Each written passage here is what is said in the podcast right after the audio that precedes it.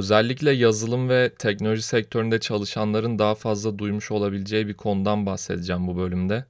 UI UX design yani User Interface ve User Experience Design. Ben de UI UX design alanında uzun süredir çalışıyorum. Ee, peki ne bu UI ve UX? Neden birlikte kullanılıyor veya birlikte kullanılması mantıklı mı?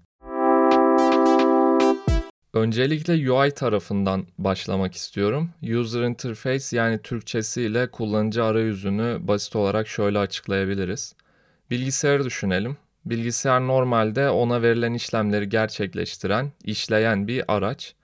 Uzmanlık alanım değil ama temelde bunları 1 ve 0 kullanarak yaptığı genel bir bilgidir. Bilgisayara bir input veririz. Bilgisayar bunu işler ve bize bir output verir. Input'u belirli yazılım dillerini kullanarak da verebiliyoruz aslında. Ama bilgisayardan bir şarkı başlatmak için her seferinde kod yazmak uğraştırıcı olurdu sanırım. İşte bu yüzden arayüz var. Yani bilgisayarın yapabileceği işlemler size baktığınız ekranda sunuluyor. Böylece kullanıcı ile bilgisayar kullanıcı yazılım bilmeden de etkileşime geçebiliyor. Yani aslında arayüz sizin bilgisayarla anlaşabilmenizi sağlayan görsel bir aracı. Bu sayede play butonuna tıklayıp şarkıyı kolay bir şekilde başlatabiliyorsunuz. Bilgisayarın ekranı demek yerine biraz daha detaylı anlatma sebebim bölüm arayüzün amacının aslında etkileşim olduğunu vurgulamaktı. Çünkü arayüz sadece bilgisayarda bulunmuyor.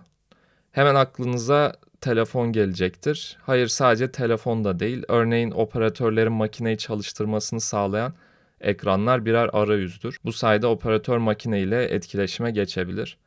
ATM ekranları birer arayüzdür. Siz ekranda para çek butonuna basarak aslında ATM'nin arka planda döndüreceği işlemleri tetiklersiniz. ATM de bu işlemleri yaptıktan sonra size paranızı verir. Tabi günümüzde artık teknolojik araçlarıyla farklı etkileşim şekilleri de var. Örneğin sesli etkileşim. Şu an Hey Siri bir şarkı çal diyerek telefonla etkileşime geçebiliyoruz veya hareket ile etkileşim. VR'ı düşünün ellerimi hareket ettirerek VR ortamında bulunan sanal unsurlarla etkileşime geçebiliyorum. Arayüz hakkında yeterince konuştuğumuza göre arayüz tasarımını irdeleyebiliriz. Arayüz nasıl tasarlanır? Bu noktada önce user experience yani kullanıcı deneyimini de biraz inceleyip sonra buraya dönmemiz daha anlaşılır olacaktır. Bu Tasarım Podcast'in Kapı isimli birinci bölümünde aslında kullanıcı deneyiminden bahsetmiştim. Orada fiziksel bir ürün olan kapı örneği üzerinden konuşmuştuk. Burada arayüzle örtüşen basit bir örnekle biraz daha pekiştirmek istiyorum. Ee, bir e-ticaret sitesine girdiniz, ürünlerinizi sepete eklediniz. Bu arada günlük hayatta edindiğimiz alışkanlıklar yazılım ortamına nasıl da yansıyor değil mi? Sepete eklemek mesela veya akıllı telefonlarımızın arama ikonlarının geleneksel ahizeli telefon şeklinde olması. Yani aslında şu an kullandığımız telefonların o görüntüyle alakası yok ama imgesel olarak o görüntü bizde arama eylemiyle örtüştüğü için geleneksel telefon ikonu tercih ediliyor. Neyse asıl örneğimize döneyim. E-ticaret sitesinde ürünü sepetinize eklediniz. Bazı kişisel bilgiler girdiniz. Sonra ödeme adımında kredi kartı bilgileri girdiniz. İşte tam burada şöyle bir bildirim çıktı. Kart bilgilerinizi kaydederek sonraki işlemlerinizi daha hızlı yapabilirsiniz. Hmm, şimdi burada farklı kullanıcılar farklı davranışlar sergileyebilir. Örneğin bir kullanıcı aa süpermiş kaydedeyim bir daha uğraşmam diyebilir. Bir diğer ise bilgilerimi kaydedip ne yapacak ki ya çalarlarsa ve benzeri bir paranoyaya kapılarak güven kaybı yaşayabilir. Burada mesela kredi kartı kaydetme özelliği ödeme işlemini kolaylaştırarak kullanıcı deneyimini etkilemiş oluyor. Bahsettiğimiz ikinci kullanıcı profili yani güven sorunu yaşayan profil için deneyimi negatif etkileyen bir aksiyon olabilir. İşte burada da araştırmanın önemini görüyoruz aslında. Bu konuyla ilgili bir araştırma yapılıp kullanıcıların kaçının hangi deneyimi yaşadığı ve deneyimin kullanıcıyı ne kadar etkilediği ile ilgili bir veri elde edilip tasarım kararı buna göre verilebilir. Örneğin o profil için güvende azalmaya yol açıyordur ancak tekrar alışveriş yapmasını da engellemiyordur. Bu durumda bilgilerin kaydedilmesinde bir sorun yok. Eğer bununla birlikte çoğunluk güven sorunu yaşamıyorsa tabii. Neyse genel olarak deneyimin nasıl bir olgu olduğunu ve neye göre şekillendiğini, tasarlarken nelerin düşünülebileceğini gözlemlemiş olduk. Arayüz nasıl tasarlanır sorusuna geri dönersek, işte arayüz kullanıcı deneyimi de göz önünde bulundurularak tasarlanır. Arayüzde hangi butonun hangi input'un nerede olacağı, uyarıların nerede olacağı, işlemlerin hangi sırayla yapılacağı, renk tercihlerinin ne olacağına kadar her şey kullanıcı deneyimi de göz önünde bulundurularak yapılır. Örneğin karşınıza bir pop-up çıktı ve az önce bahsettiğim örnekteki gibi kredi kartı bilgilerinizi kaydedelim mi yazıyor. Mesela bu cümlenin bile bir sürü versiyonu var ve bunlar deneyimi etkiliyor. Ve bu cümle de arayüzün bir parçası aslında.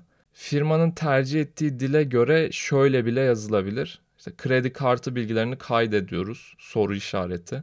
Hatta ardından da göz kırpan emoji falan böyle. Veya bankaların arayüzünde genelde sizli cümleler olur. İşte kredi kartı bilgilerinizi sizin için kaydetmemizi ister misiniz gibi. Bir de altta iki tane buton olduğunu düşünelim.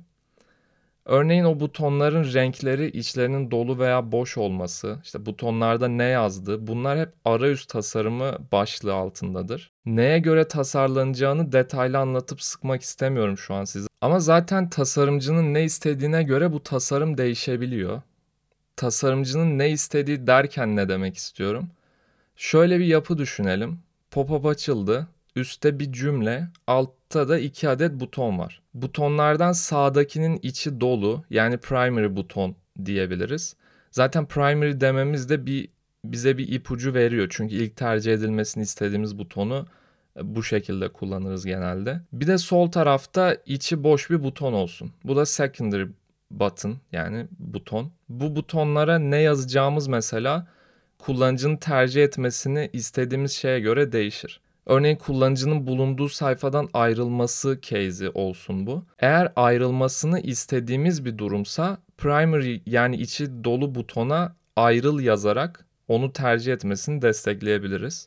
Veya örneğin sayfada yaptığı işlemleri kaydetmeden çıkmasının sorun olabileceği bir case olsun. Bu durumda da primary button'a sayfadan ayrılmamasını sağlayan aksiyonu koyabiliriz belki de. Böylece yanlışlıkla ve hızlıca çıkıp on inputlu bir sayfa boyunca girdiği bilgilerin tek harekette silinmemesine yardımcı oluruz. Tabi her şeyde olduğu gibi bu durumu da bir fırsata dönüştürmeye çalışan kişiler var. Aslında üstü örtülü bir dolandırıcılık gibi de düşünebiliriz.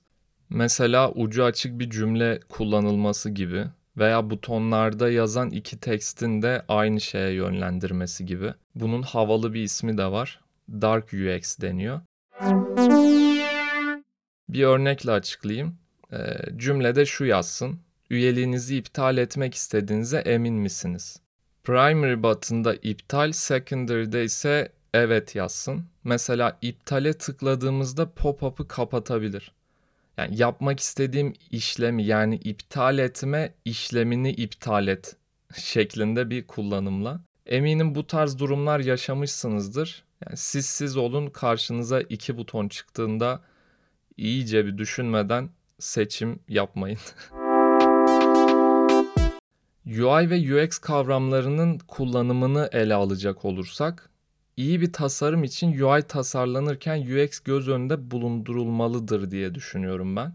Ancak bu ikisini aynı kişinin yapması gerekmiyor. Yani bir ürün için UX'ten sorumlu tasarımcı ile UI'dan sorumlu tasarımcı farklı kişiler olup e, kolektif bir şekilde bir ürün ortaya çıkarabilirler. UX ise tamamen UI'dan bağımsız da olabilen bir konu. Genelde yazılım sektöründe UI UX designer title'ı popülerleştiği için UX yani deneyim tasarımı sadece web veya app tasarımında ele alınan bir konu gibi bir algı oluştuğunu düşünüyorum. Ama bir sandalye tasarlanırken de deneyim göz önünde bulundurulabilir. Yine kapı bölümünde bu konuyla ilgili daha fazla bilgiye ulaşabilirsiniz. UX'in tasarlanabilir bir şey oluşuyla ilgili de tartışmalar var. Yani deneyim tasarlanabilir mi yoksa tasarım sonucu deneyim şekillenir mi gibi. Çünkü tasarım sırasında ne kadar detaylı düşünülse de kullanıcının yaşayacağı deneyim kendi geçmişine göre beklenmedik bir yönde ilerleyebiliyor. Ama yine de deneyime tabii ki aldığımız tasarım kararlarıyla etki edebiliyoruz. Neyse bu biraz daha tasarımın felsefik boyutu. Geçen günlerde random biriyle sohbet ederken mesleğimi sordu. UI UX designer desem pek bir şey ifade etmemesi ihtimaline karşın arayüz tasarımcısı dedim. Abi valla ben sizin işleri hiç anlamıyorum ya elbise filan mı çiziyorsun dedi. Sonra açıklamaya çalıştım daha basic bir şekilde. Umarım bu bölüm daha geniş bir kitleye ulaşır ve UI UX designerların yaptığı işi açıklama yükünden onları kurtarırım.